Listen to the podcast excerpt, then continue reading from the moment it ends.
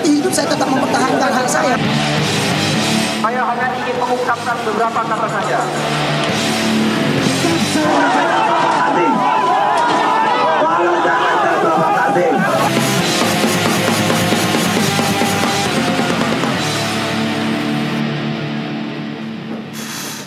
Halo para pendengar di mana pun Anda berada, teman-teman muda, selamat datang di podcast Kontras edisi kedua. Nah pada sore ini tepatnya jam 17 eh, lewat sekitar 10 menit ya Kontras dengan edisi kedua ini akan membahas terkait eh, laporan Kontras tentang pembatasan eh, kebebasan berkumpul atau disingkat kebul. Ah, kebul. Nah, laporan ini merupakan hasil kerja tim Kontras ya yang sudah dirangkum dari tahun 2015 sampai tahun 2018 ya. Nah, nanti bersama saya di sini sudah hadir Rifan Di Ananda. Ya, halo. Malam. Lu malam. Malam apa sore? Mas, masih sore sih Masih sebetulnya. sore ya. Kalau saya kebiasaan malam Iya, iya. ya. Bentar, Dan- Bapak ngenalin diri tapi Bapak ngenalin nama Bapak. Ya nanti saya. Itu baru saya. Saya kan menghargai narasumber. Oh iya, oke oke oke. Oke. Dan Rizky Zikriansyah Halo. ya, sebagai anak muda kontras. Iya. Ya, tahu kontras nggak? Sini. Dan bersama saya akan memandu proses ini selama kurang lebih satu jam atau bisa juga kurang, bisa juga lebih dari satu jam, tergantung. Tergantung. Tergantung alot atau atau asik tidak. atau asiknya. Kalau narasumbernya nggak asik langsung kita tutup. Ini kok begini amat. Alot ya. Gorengan makanya. Saya, dingin. saya sebagai host Ferry Kusuma di Kontras akan ditemani oleh teman saya yang kece ini. Paulus Siregar sebagai co-host ya. Oh pasti orang Sunda ya? Eh, bukan. Orang mana? Batak lah. Oh iya, Orang benar. Batak. Siregar. Si- Siregar ya, Siregar. Siregar. Marga Siregar berkenalan dengan marga si Si Tohang. Sinaga. Oh, Sinaga. Art. Oh itu ada sejarahnya. Gue ada sejarahnya. Kalau Margahayu ya Harga jasa. jasa marga. Oke. Marga satu. Eh serius serius serius ya, serius ya. Rifan terima kasih sudah bersedia eh, Ya ini kerjaan. Ya. Gak usah pakai terima kasih ini kerjaan. Rizky juga terima kasih. Ya. Oke, ini karena ini terkait dengan apa namanya bicara hak warga negara, ya kan berkumpul itu kan penting bang. Mhm. Karena dengan berkumpul kita tahu kita bisa berkenalan dengan banyak orang, Hmm. bisa berbagi informasi, bisa berbagi pengalaman, gitu ya. Kalau dari sisi hukum kita di, di apa namanya dilindungi oleh hukum, gitu. Ya. Dari sisi budaya itu memang kulturnya kita suka berkumpul, Ya. gitu kan. Nah, saya melihat laporan eh, yang ditulis oleh Rifanli ini kondisi kebebasan berkumpul itu semakin eh, tidak membaik. Semakin tidak membaik betul. Benar ya? Betul. Nah, kira-kira bagaimana maksudnya tidak membaik itu? Bisa nggak eh, Anda jelaskan secara komprehensif dan ilmiah? Iya. Nah, Sebetulnya kalau mau dijelasin secara uh, komprehensif, ini nggak cukup podcast dalam waktu satu jam. oh begitu. Kita tambahin ya satu Amin. menit. Nah ya, ini baru cukup.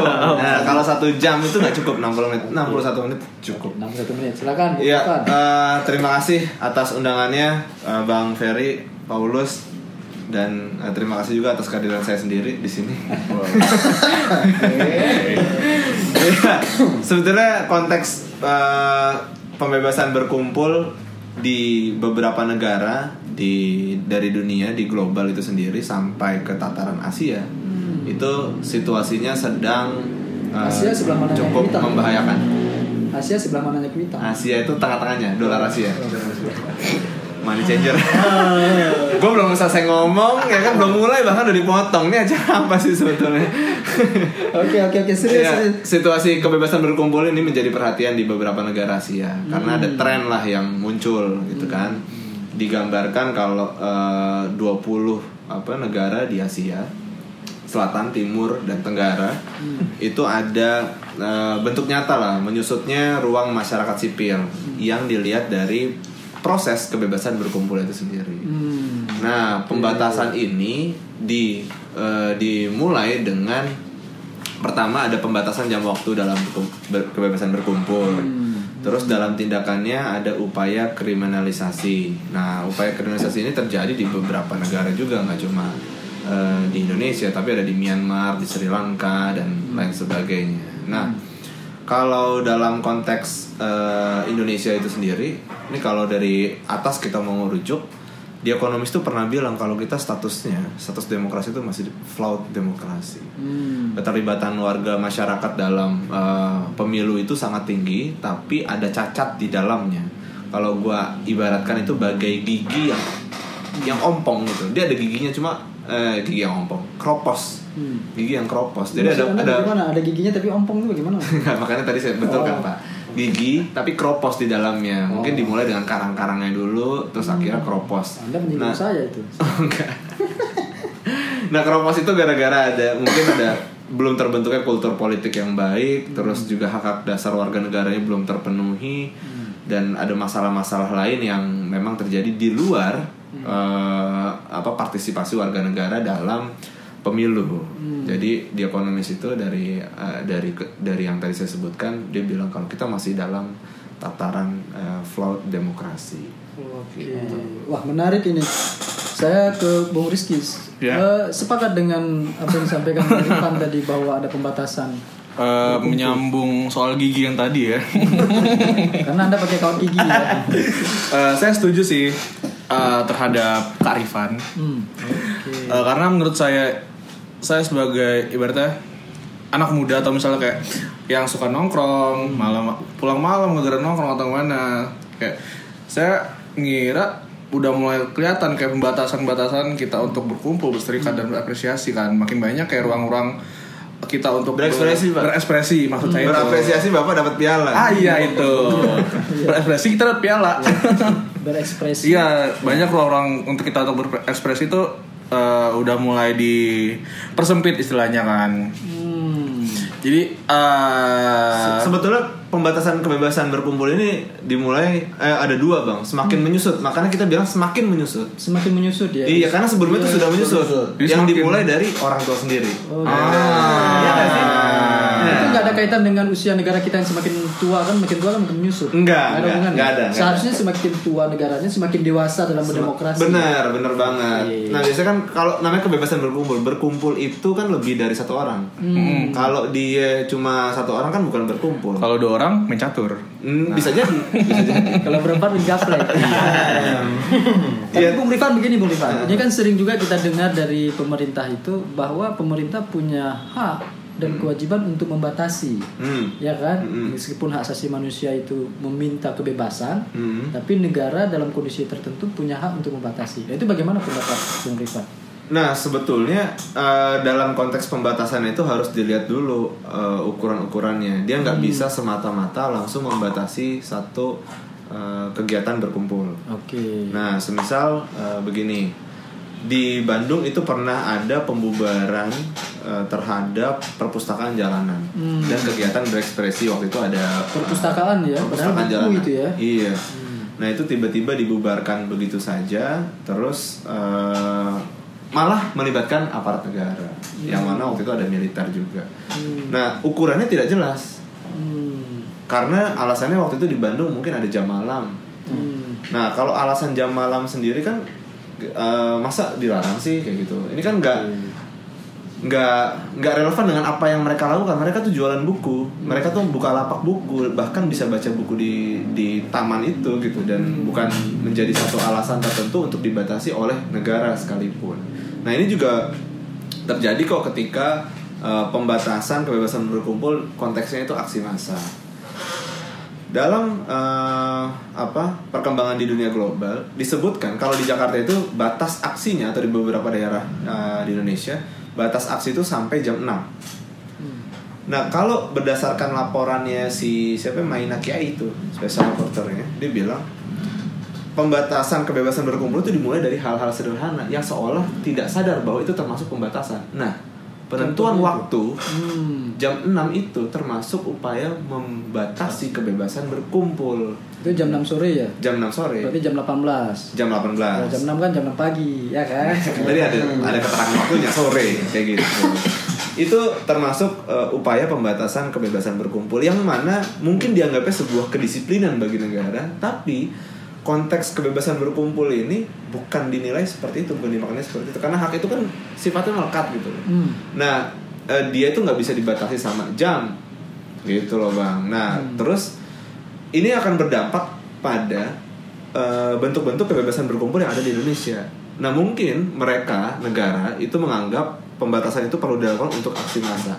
Tapi perlahan-lahan nanti dampaknya itu bisa ke yang arah lebih luas lagi. Misalkan kumpul-kumpul eh, pencinta boba ngumpul jam 7 malam di skateboard di skatepark gitu.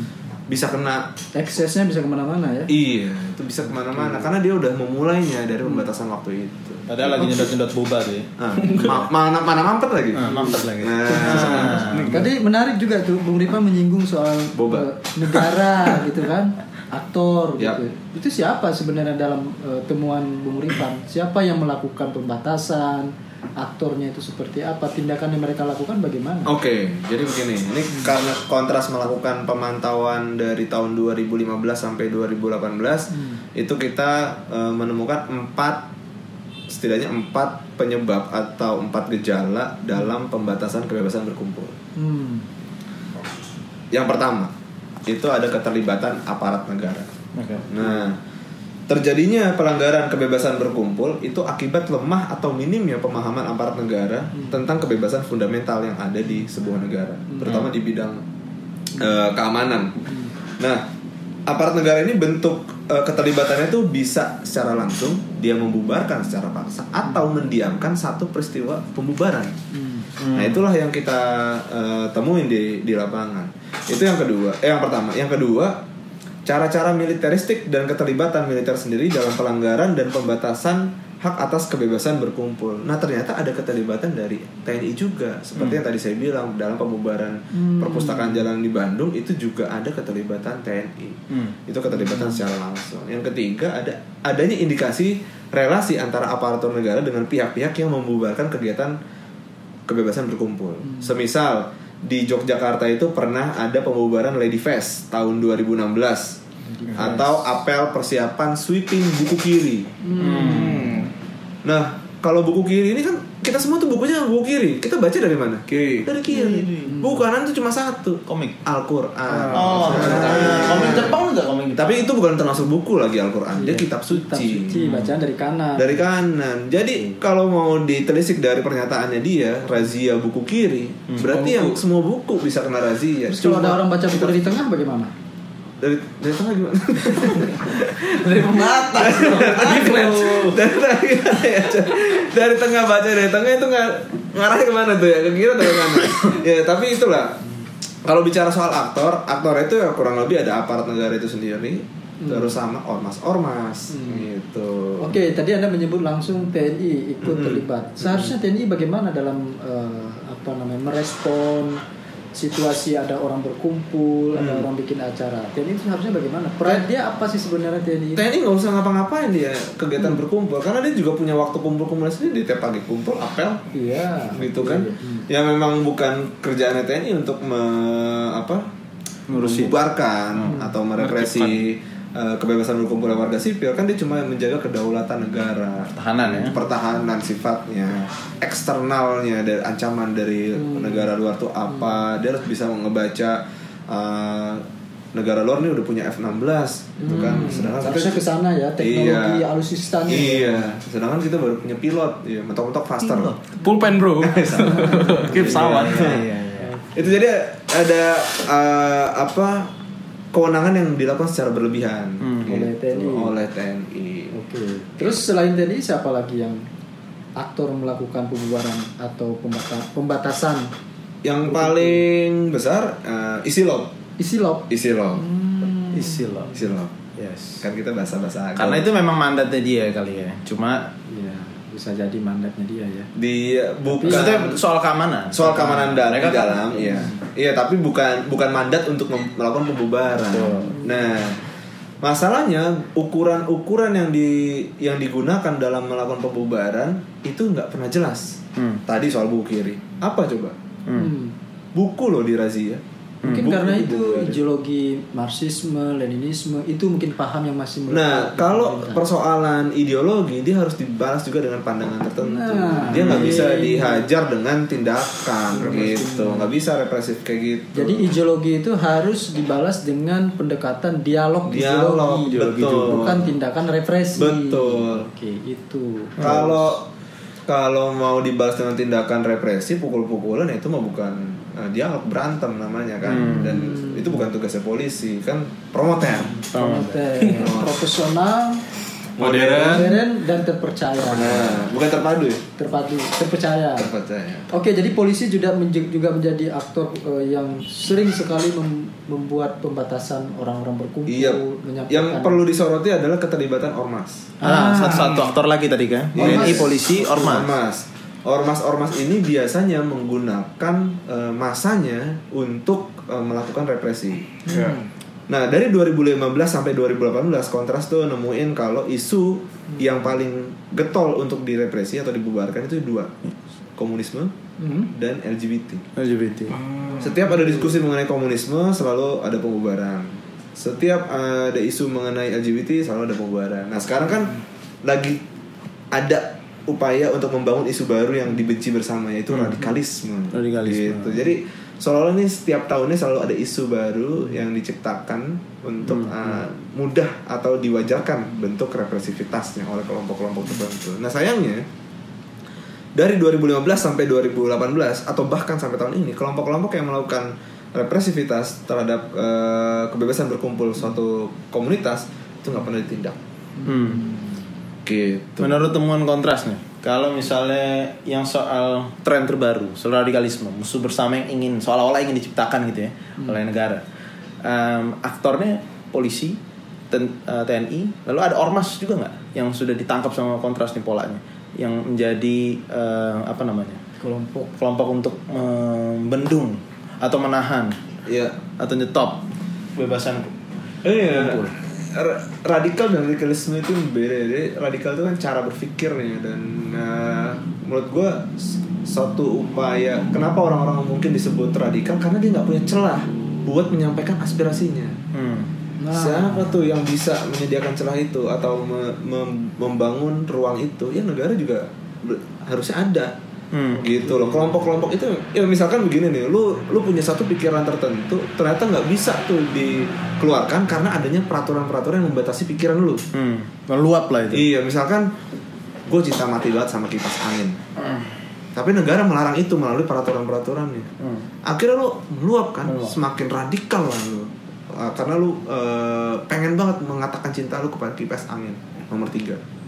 Jadi Ah, artinya, artinya radikal itu ada ada keterkaitan langsung juga dengan eh, cara-cara negara membatasi orang berkumpul. Iya, betul. Semakin ditekan ya semakin kemungkinan Karena radikal. semakin radikal, Dan- karena dan- tidak ada ruang untuk Iya, dan bahkan uh, konteks radikal ini radikalisme itu dipersempit malah ke kelompok-kelompok konservatif. Hmm. religius terutama kelom- kelompok konservatif religius. Se- Sedangkan radikal itu ada cara berpikir yang tadi gue bilang itu Yes, yes. dan yang mana ke depan mungkin hari ini disebutnya kelompok konservatif yang dianggap melawan negara, tapi besok ya mungkin uh, ada kelompok-kelompok lain bukan konservatif tapi misalkan progresif Hmm. yang mencoba menyeimbangkan diskursus negara dan ditekan lah itu.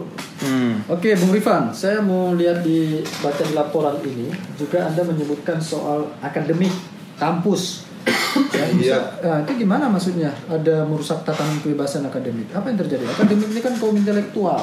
Wah, ya ya ya. Apa juga terjadi di sana kebe- eh, pelarangan kebebasan berkumpul? Terjadi. Terjadi ya? Terjadi. Kok Ba- bisa? Kenapa? bah- bahkan penyebabnya mungkin bukan dari kampus itu sendiri, Hmm. tapi dari mahasiswa itu sendiri yang tidak bisa membedakan antara ruang kelas dengan ruang ibadah. Hmm.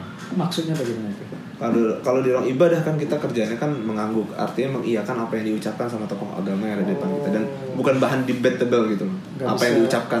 Tidak contestable ya. Iya, Nggak bisa interupsi ya. Nah, nggak mungkin kan tiba-tiba eh, siapa Ustadz bilang A, ya Iya, A. Sifatnya gitu. doktrin. Nah, Ustadz Aoyama Goso misalkan Iya. bilang bahwa agama bla bla bla bla kita nggak percaya saya Pak. kan nggak mungkin Hmm. tapi kalau di ruang kelas dia tuh harus bisa membangun dis- diskursus nah eh, sederhananya mungkin mahasiswa harus banyak menggeleng di ruang kelas ketimbang mengangguk Hmm. gitu. Itulah cara buat eh, kita tahu bahwa ruang kelas berbeda dengan ruang ibadah. Itu poin yang pertama. Yang kedua dari laporan ini eh, di 42 peristiwa yang terjadi di Yogyakarta 13 di antara itu terjadi di kampus. Pembatasan kebebasan berkumpul itu terjadi di lingkungan kampus. Itu kalau pakai peta daerah mana yang paling banyak kampus ini? Kampus mana? Pulau Jawa, Sumatera, Kalimantan, Sulawesi. Jawa Jawa. Jawa Jawa, ya. Jawa Jadi Jawa yang dianggap sudah modern sebenarnya Iya, daerah-daerah lain justru lebih banyak ya. Betul, betul. Jadi bentuk-bentuk pembatasan kebebasan berkumpul di mana di kampus ini itu ada eskalasinya. Misalkan kalau dia eh, dinilai tidak sesuai dengan ajaran negara, yang tadi ya kelompok eh, apa isu komunisme terus Oke. isu LGBT, terus ada diskusi lah dari satu komunitas tertentu yang ada di kampus, itu dia diancam dulu melalui pesan. Intimidasi ini acara apa sih? Kayak gitu-gitu dan Oleh? lain-lain. oleh Umumnya? orang yang tidak dikenal dulu Oh, oke. tidak diketahui itu siapa.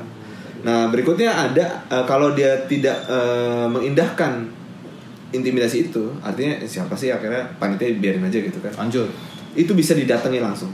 Hmm. Itu pernah eh, kejadian di diskusi buku Irsyad Manji di LKIS, terus ada juga komunitas main teater dan eh, forum lintas iman di Gunung Kidul. Nah terus eh, ini juga pernah kejadian di Unpad. Hmm. Unpad menarik sekali. Unpad Universitas Pangeran Diponegoro Ah, itu undip dong bos. Kalau Undip itu Universitas Universitas di di Pajajaran gitu. Itu udah ada perubahan frasanya tuh Eh, Itu terobosan baru dari Menteri Nadiem. Pendidikan kita Nadiem. melalui aplikasinya yang terbaru Godik Godik, godik. Oke, Bung Ivan, tahan Ya, ya, ya, tahan dulu ya. Ya, saya mau ke Rizky. Ya. Tadi apa namanya Rifan menyebutkan bahwa di kampus juga ada pembatasan ruang ekspresi ya, pembatasan berkumpul. Nah, Rizky sebagai ini kan masih mahasiswa ya, Rizky Masih. ya. Di kuliah di mana?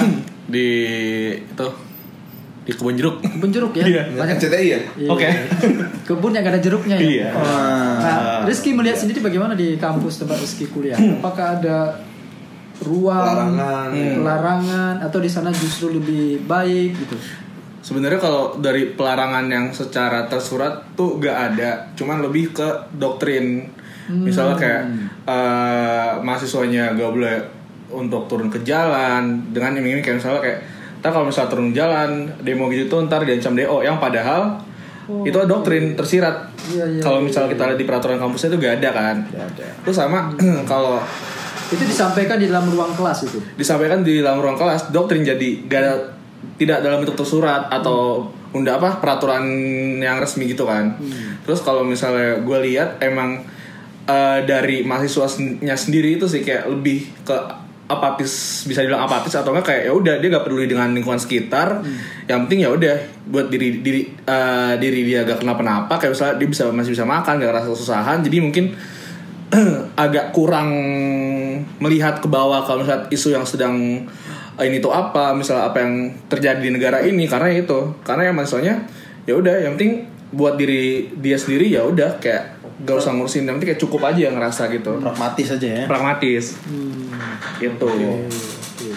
Itu bagaimana apa ada misalnya kan ada doktrin kan secara tersirat nggak boleh demo nanti di DO begitu-gitu kan. Ada perlawanan nggak dari mahasiswa atau ngangguk-ngangguk aja seperti Bung Rifan bilang tadi. sebenarnya eh, ada beberapa mahasiswa tuh yang ngangguk-ngangguk aja cuman ada ya ada yang beberapa grup band dong. Ngangguk. Ngangguk geleng-geleng. Ben tahu juga. nggak pernah denger. Itu Ben itu. Tapi ada juga beberapa mahasiswa yang melek istilahnya kayak ya udah lihat kondisi apa yang sedang terjadi dan akhirnya kemarin turun kan walaupun kayak gak beriming-iming kayak nama kampus atau apa gitu cuman seenggaknya ada yang gitu juga. Cuma masih banyak mayoritas ya ya udah nggak peduli lah. Kayak misalnya ya bodo amat lah misalnya Kampusnya apa sih? Sunip ya? Sunip Oke, Bung Rifan dengan kondisi begitu di kampus seharusnya bagaimana sih kampus ini sebagai apa namanya rumah pengetahuan, Hmm. ya kan tempat kaumnya intelektual, Hmm. tempat para pelaku perubahan terjadi kondisi begini Hmm. itu seharusnya bagaimana menurut Bung Rifan Lee? Seharusnya bagaimana? Seharusnya tidak begitu. Nah, itulah jawaban saya. Kan ini kondisinya tidak membaik nih. Seharusnya bagaimana? Seharusnya tidak begitu. Nah, seharusnya tidak begitu itu kan harus ada pesannya Bung Rifan. Oke, Ya. oke. Kan yang disebut civitas akademik itu juga termasuk mahasiswa. Ya, Ya kan? Jadi ketika kampus pihak rektorat misalnya melarang, maka mahasiswa kan harusnya melakukan sesuatu. ya betul. Nah ini kalau dibiarkan kondisi begini sampai ke depan tadi bukan hanya menyusut, mati ruang demokrasi itu. Ya, betul. Nah, Betul. ada punya pandangan nggak? Kalau nggak ada ya udah saya lihat. Saya sih pandangan banyak ya, cuma takutnya eh, gimana gitu.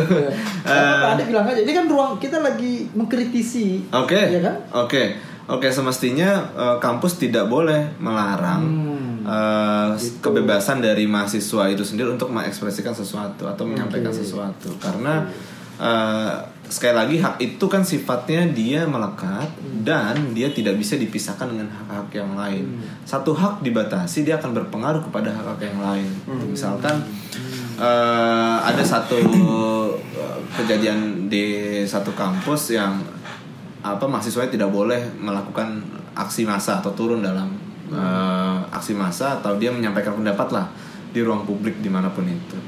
Nah, ketika dia tidak melakukan dia di- dilarang untuk melakukan eh, penyampaian kebebasan berekspresinya dia, dia akan menghalangi apa yang dia tuntutnya.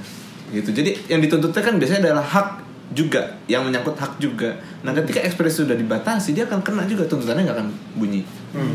Orang jadi nggak tahu masalahnya apa. Nah itu akan membatasi hak hak yang lainnya. Nah semestinya kampus itu harus belajar bahwa tempatnya eh, kebebasan itu ya dimulai mungkin dari kampus itu sendiri. Hmm. Gitu. Menurut Bung Rifan, negara bisa apa soal konteks eh, Kampus. ya Dalam kebebasan sipil itu sendiri negara itu sifatnya dia harus negatif gitu kewajiban negara negatif dia tidak boleh eh, apa melakukan tindakan untuk kebebasan berekspresi kecuali dia melanggar ketentuan eh, peraturan perundang-undangan kayak gitu loh dia eh, harus menghormati kan kewajiban negara kan menghormati memenuhi dan melindungi kan nah, dia bagian yang menghormati respect ya, gitu kewajiban yang negatif konteksnya adalah presiden buruk juga tuh menurut saya waktu demo mahasiswa yang besar tuh tahun bulan September ya. yep yep Eh, himbauan bukan himbauan malah ya larangan untuk turun ke jalan itu turunnya dari Menteri Pendidikan. Menteri Pendidikan Itu betul menurut saya kontribusi negara yang luar biasa untuk Oh, iya. demokrasi. Betul, betul Ya. sekali, betul sekali dan Siapa Menteri Pendidikan waktu itu? Aduh.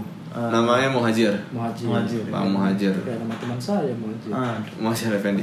Dia ngeluarin memang semacam memo ya atau apa tuh sebut se- saya saya nggak tahu surat keluaran Surat itu apa. edaran. Surat, apa, surat edaran dan memang itu nyata loh. yes. Maksud gue nyata dampaknya. Efektif untuk Iya, membentuk. iya nyata itu dampaknya karena eh, beberapa kampus yang gue tanyain itu sempat diancam nilai E. nilai E. E. Nilai E untuk mereka yang turun ke jalan. Nah, satu-satunya cara untuk eh, melawan, eh sorry, untuk eh, ya melawan, yaitu dengan melanggarnya. Yes. Nggak ada cara lain. Ada jalan lain. Melanggar itu dalam artian dia percaya bahwa ini basisnya bukan eh, apa melawan negara, tapi ini kebebasannya warga negara. Hak itu Oke. haknya. Itu sejalan dengan apa yang disampaikan oleh Menteri Pendidikan yang sekarang. Hmm. Ya kan kecerdasan itu bukan ditentukan oleh nilai. Betul. Nah, mahasiswa harus melawan ini. Nggak Nah. masalah nilai E. Salah. Ya Iya, kan? iya. Nggak masalah Iya, karena iya. kecerdasan itu bukan dari nilai, Iya. Rizky. Tapi Itu- tapi nilai jelek jangan juga di- jadi legitimasi, Bang. Ya, Ya. nah, Kemarin gue baru lihat Kaseto dia baru membanggakan bahwa nilai tertinggi matematika itu 4 bang. Empat. Tapi nggak mati kata dia, masih hidup sampai Iya. sekarang. Maksud gue jangan jadi legitimasi. Tapi kayak dia gitu. pasti bisa ngitung, masa dia nggak bisa ngitung? Iya, bisa sih. Bisa, karena apalagi kalau ngitung uang pasti bisa lah.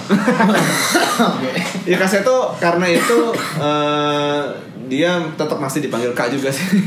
Oh. Kaseto. Seto Kaiba. Oke, Bung Rifan, ya. ini eh, lanjut nih ya ke laporan yang kami baca ini, Ya. yang Anda bilang tadi laporan soal pembatasan kebebasan berkumpul. Anda bilang ada keterlibatan bisnis juga, akselerasi pembangunan.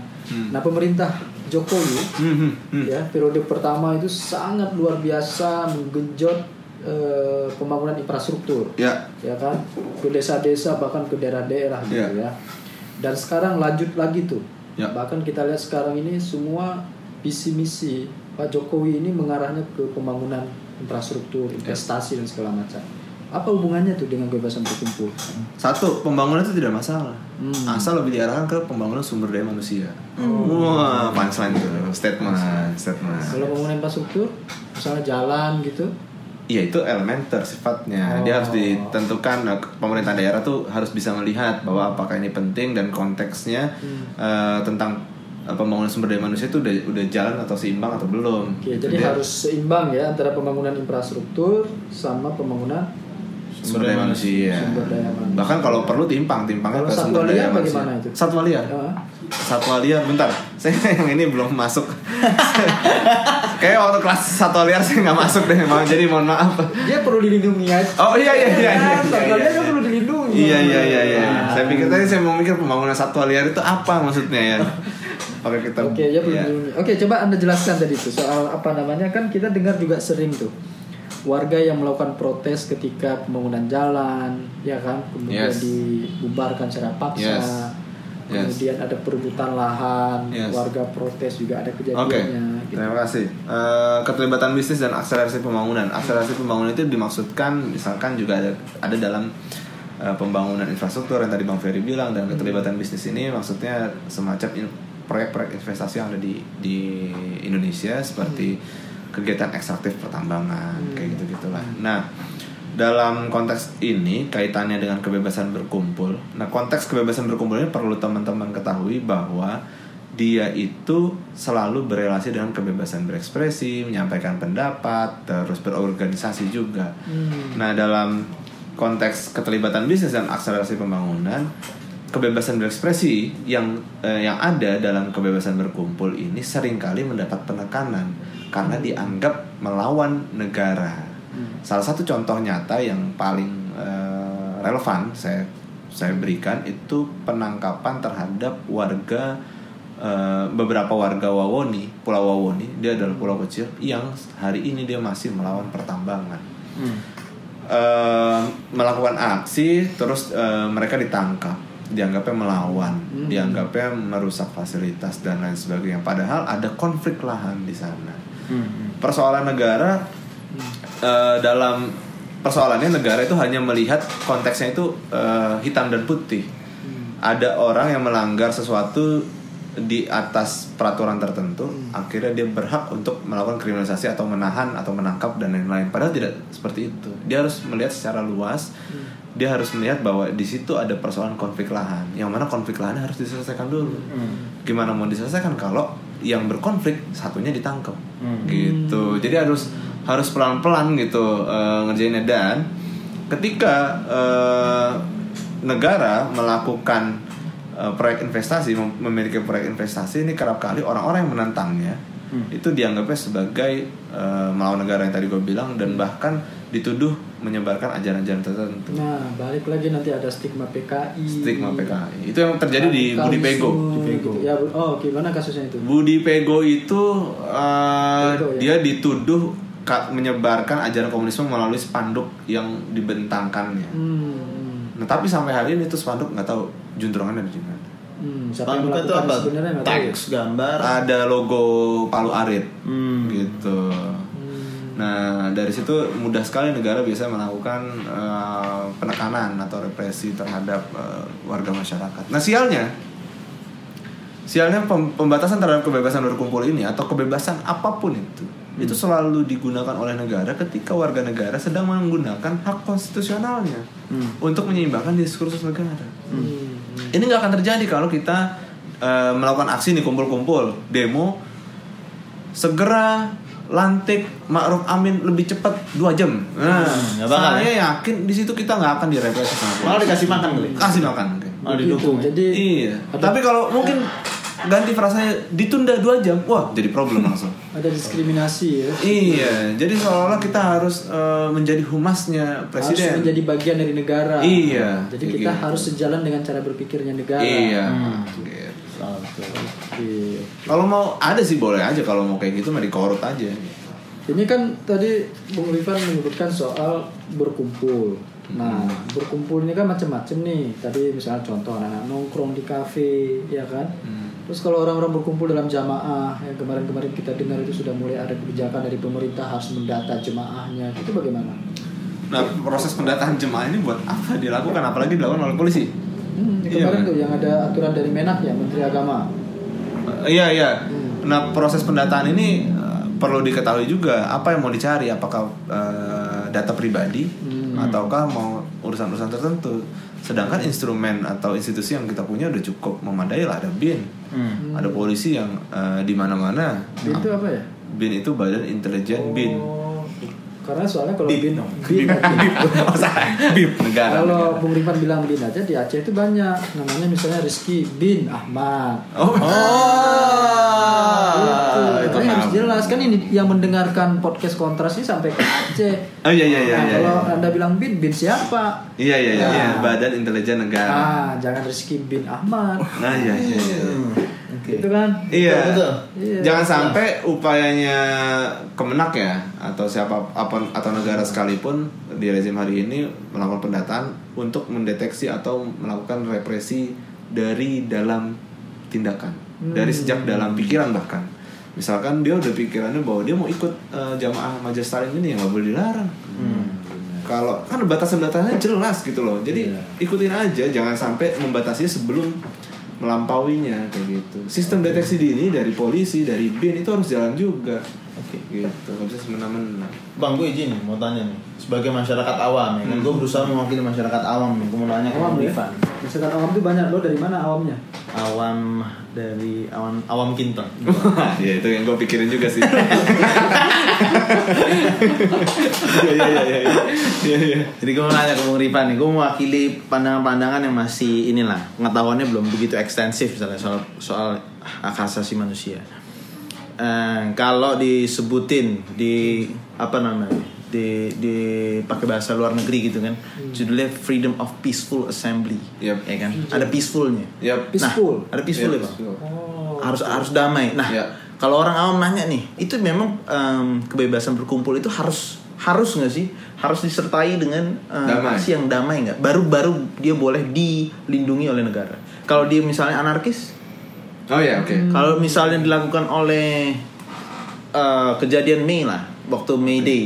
Ya. May Day kan di Bandung ada sekumpulan orang yang punya cara mengekspresikan Oke. ekspresi politik, Oke, ekspresi apa segala macam dengan caranya sendiri, berbeda dengan caranya yang negara mau, Ya. yang damai. Ya. Itu bagaimana tuh?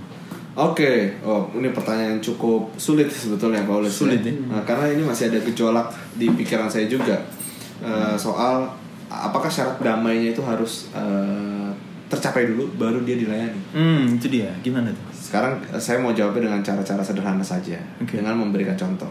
Yang pertama, aksi kamisan kurang damai apa? Hmm. Bahkan buat buat berantem pun udah kagak bisa. Hmm. Iya kan tenaganya udah nggak ada. Eh, pikirannya udah nggak bisa ke arah yang ribut-ribut. Tapi aksi kamisan Januari besok udah nyentuh angka 600. Eh 13 tahun, sorry. 13 tahun. 13 tahun. Hmm. Dan eh, sampai sekarang nggak terfasilitasi juga Hmm. jawaban-jawabannya. Nah, terkait dengan apa up- uh, kelompok atau cara-cara yang dilakukan oleh aksi massa dalam uh, apa ak- dalam menyampaikan ekspresinya.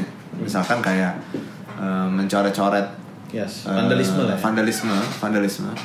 Nah, itu sebagai bentuk ekspresi kalau gua boleh bilang Hmm. itu sebagai bentuk ekspresi. Nah, persoalannya ketika yang damai saja tidak diakomodir uh, tuntutannya, pasti ada ada eskalasi yang meningkat gitu.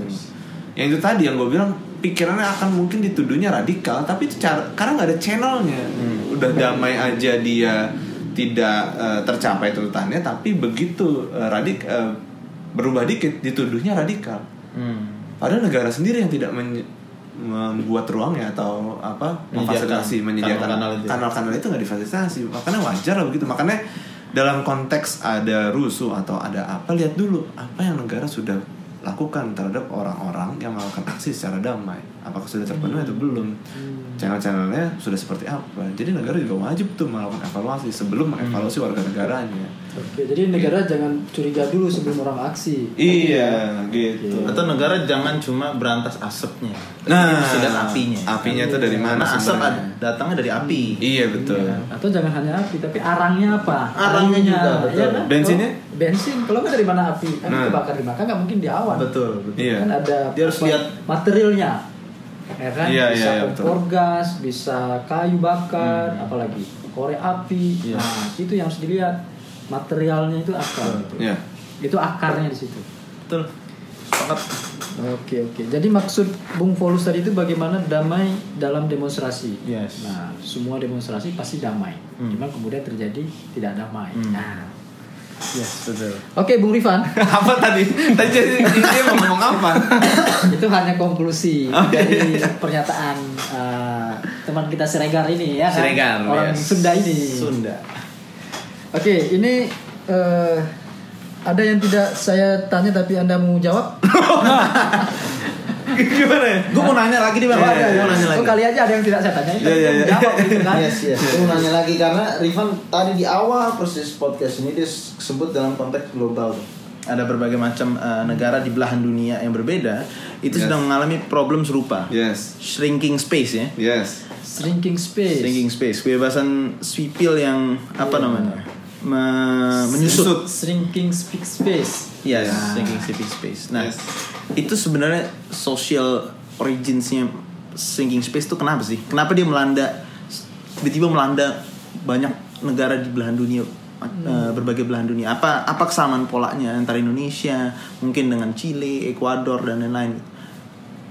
Apa yang apa yang apa yang bisa dibagikan dari inilah dari temuan-temuannya berdasarkan temuan-temuan Yes, teman-teman? yes. Kalau secara global artinya gue nggak mau langsung menyebut ini ke arah Indonesia juga, doang gitu. Reference gue uh, melihat dari dunia Amerika Latin, Eropa, Hmm. itu isunya adalah ketimpangan, Hmm. Sosial berarti. Isu sosial. ya? ketimpangan ekonomi. Oke. gitu ya sosial juga pasti akan Yes. uh, kena dampaknya dari situ itu ketimpangan yang terjadi akhirnya dan kegagalan pemimpin dalam uh, apa memimpin negaranya Hmm. Dan mu- akibatnya muncul ketidakpercayaan dari warga negara di masing-masing negara Hmm. akhirnya muncullah gejolak aksi, eh, aksi massa besar-besaran dari kelompok-kelompok tertentu yang hidup belakangan ini untuk menyuarakan aspirasinya Hmm. Eh, ketimpangan ekonomi menjadi satu satu apa alasan utama ini juga yang sempat disampaikan eh, sama UN juga terus ada ancaman keamanan UN itu apa? Ujian nasional. UN itu United Ah, yang jelas dong. PBB, PBB. Iya, PBB, karena di kita kan ada ujian nasional. Betul. iya kalau itu UN UN. Iya. terus ada ketidakstabilan politik institusi politik dan pemerintahan yang rapuh Hmm. ada perpecahan etnis juga dan agama dan kebangkitan ideologi fundamentalis Itu di berbagai macam negara. di berbagai macam negara Menurut Bung Rifan, problem-problem itu ada di Indonesia. gejala simptom ah Gejala. simptom simptom. Masih gejala ya? iya Oke. Tapi fenomena itu juga bisa karena semakin menguatnya kelompok-kelompok militerisme, kelompok-kelompok Hmm. militeristik gitu ya.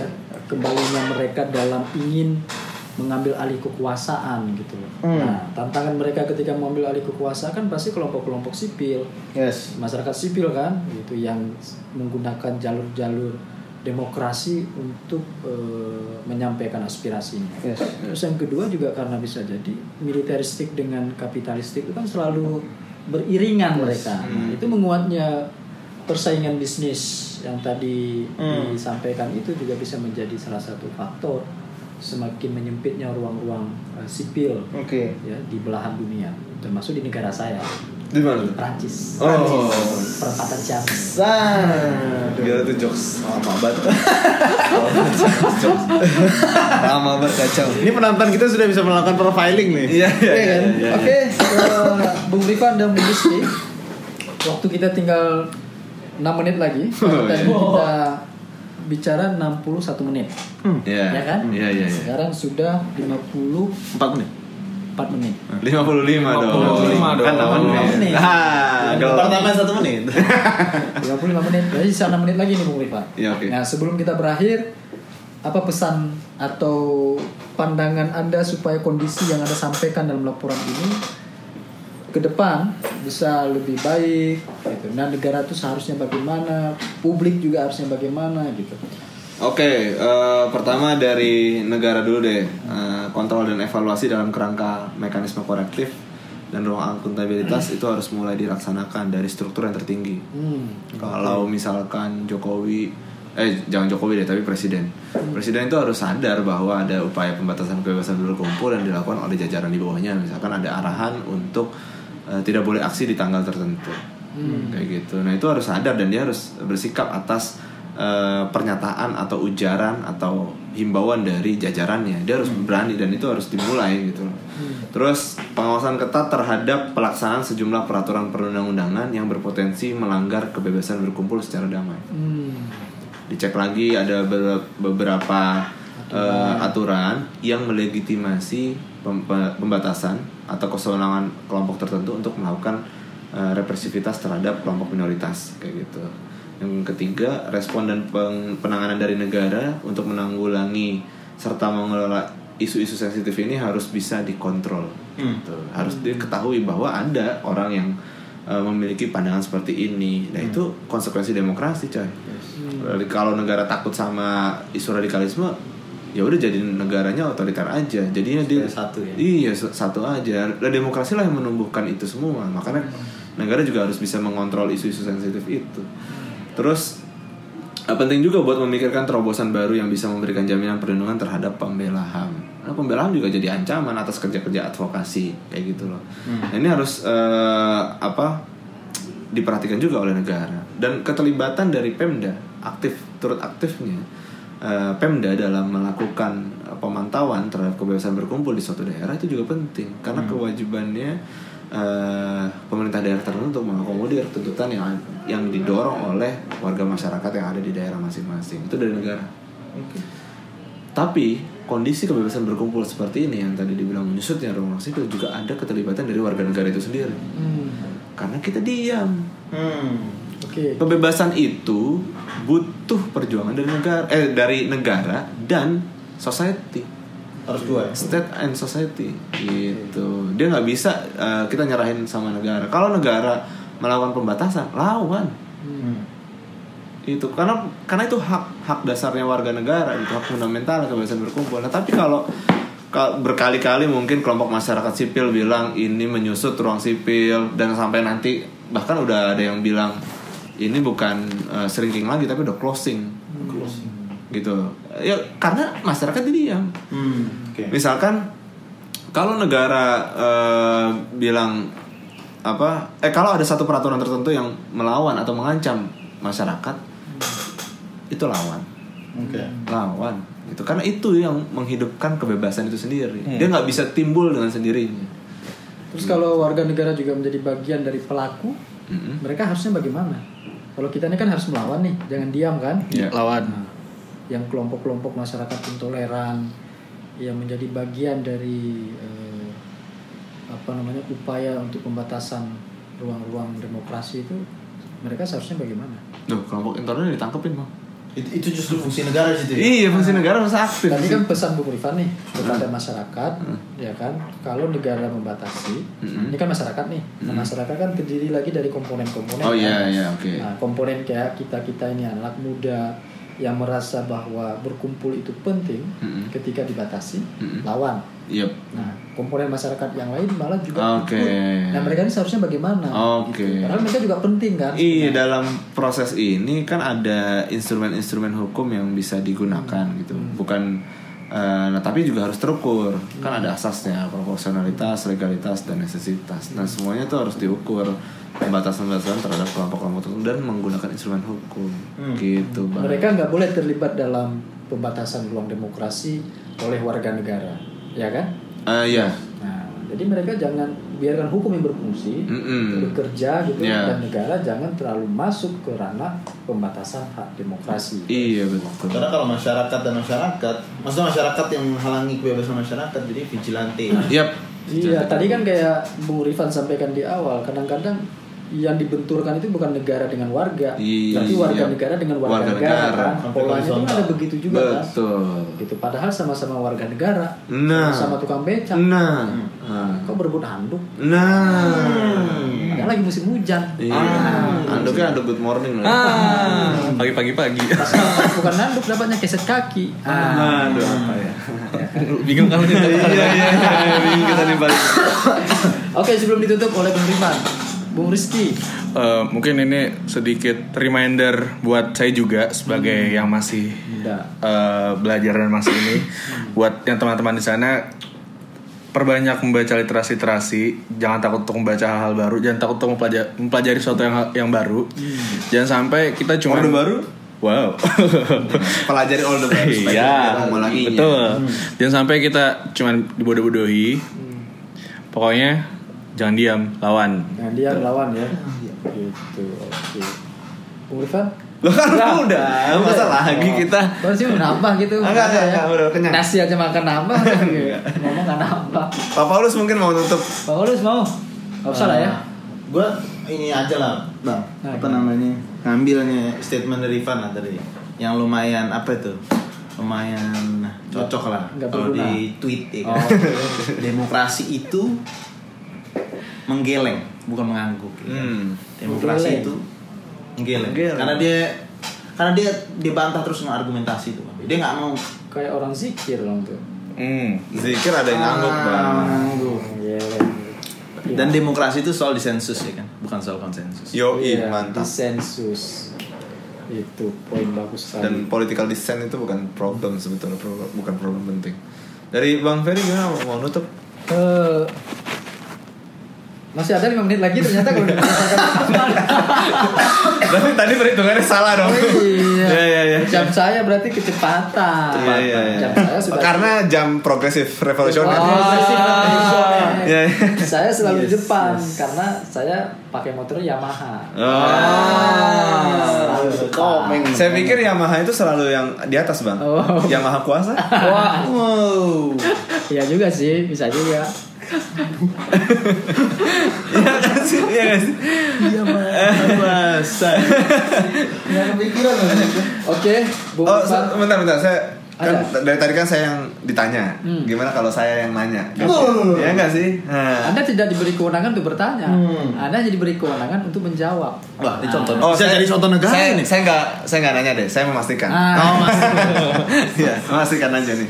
Ah, artis-artis apa? Ya, ya oke. kan memastikan, nggak apa-apa kan? Artis-artis apa yang ngerangkap jadi anggota militer? Nah, Artis yang merangkap jadi anggota militer. artis, artis, Bukan aktivis. artis, Artis. artis. merangkap jadi anggota militer. Iya. Kalau aktivis saya udah tahu. artis. Anggota Nggak perlu hitung-hitungan, Pak. Mohon maaf. Nggak perlu hitung-hitungan. apa? Ayo, jangan diam, jangan diam. jangan diam lawan Artis. Nah, ini ini penting loh bagi pelajaran kebebasan berkumpul kita. Apa? Gitu. Karena tadi kan kita udah bahas nih kan eh, peran militer juga ada dan ternyata ada juga nih artis Artis juga deh. ternyata merangkap jadi anggota militer. Hmm? hmm. Ayo jangan diam. Ini podcast loh. jangan Siapa diam. ya? nyerah Nyerah, nyerah, Nyerah, nyerah. nyerah, nyerah. Angkat tangan deh, siapa? Nyerah, nyerah. Nggak tahu. Siapa? Putri Marinir. Iya, iya, iya, iya. Hati loh. Hati. Itu, cukup berbahaya loh ya. Diam-diam dia boleh actingnya bagus, tapi ternyata dia berakting sebagai marinir. Militer. Merangkap dia ya. Artis iya. Marinir juga ya. Milih marinir lagi. Marinir. Makanya kalau ngeliat eh, Putri Marinir Hmm. itu ke mana-mana suka pakai baret ungu. Dia lebih tekep daripada suaminya sendiri kali ya. iya, iya. Lebih tegas, ya kan? lebih tegas. Iya, iya. Lo, lo, punya nggak? Lo punya nggak? Apa? Satu. Tebak-tebakan. Ah. Aduh, nggak nggak nggak ini bang. Belum ada. Lo kayak Ramirez lo. Ramirez. Rambut, Kenapa? rambut miring suka nggak beres. Aduh, rambutnya nggak ada miring ya saya ini bang. Bulat aja bulat. Rizky, Rizky ada nggak? Enggak, udah. Ada ya. Oke. Jadi kalau tidak ada, kira-kira begitulah Yes. eh, perbincangan kita di sore hari ini. Terima kasih Rifan Liananda, Rizky Zikriansyah. Iya. Suka zikir dulu ya. Ah, itu. Niatnya sih gitu. Doanya gitu dari orang tua. Dan Paulus Siregar Siregar. dan saya sendiri Ferry Kusuma. Inti dari pembicaraan ini eh, bagaimana ruang demokrasi itu harus diperluas. Ya kan? Menyempitnya ruang demokrasi itu karena warga negaranya diam. Hmm. karena warga negara yang lain ikut berkontribusi mempersempit ruang demokrasi. Seharusnya mereka tidak boleh membatasi ruang-ruang demokrasi. Karena demokrasi adalah menciptakan manusia yang berbudaya dan kan bapak yang mau ngomong. Kenapa? Malah nanya? Kenapa malah nanya? Sama kita Dibalikin. saya kan nggak tahu bapak yang nyusun gimana. Teman-teman sih nggak menghafal Pancasila yang berada. yang berada. Iya kan, yang berada. Oke, para pendengar kontras yang setia Iya. dari Sabang. baru dua episode udah setia Kan penting setia. Ada hashtag percaya kontras. oh iya iya Iya kan. Dari Sabang sampai ke mana ya? dari Sabang sampai ke Merauke Merauke ya. Merauke Dari Sabang sampai Merauke, laporan ini bisa dibaca di webnya Kontras Yap. www.org kontras.org dan bisa juga dibaca di di webnya kontras di www.kontras.org. Karena dia bapak kurang aja dari tadi repetisi. dan jangan lupa mengikuti media so- media sosialnya Kontras, Ya. ada Twitter dan Instagram Kontras. Ah, Oke, dan kita akan bertemu lagi pada kesempatan selanjutnya. Terima kasih, selamat malam. malam. Saya hanya ingin mengungkapkan beberapa kata saja.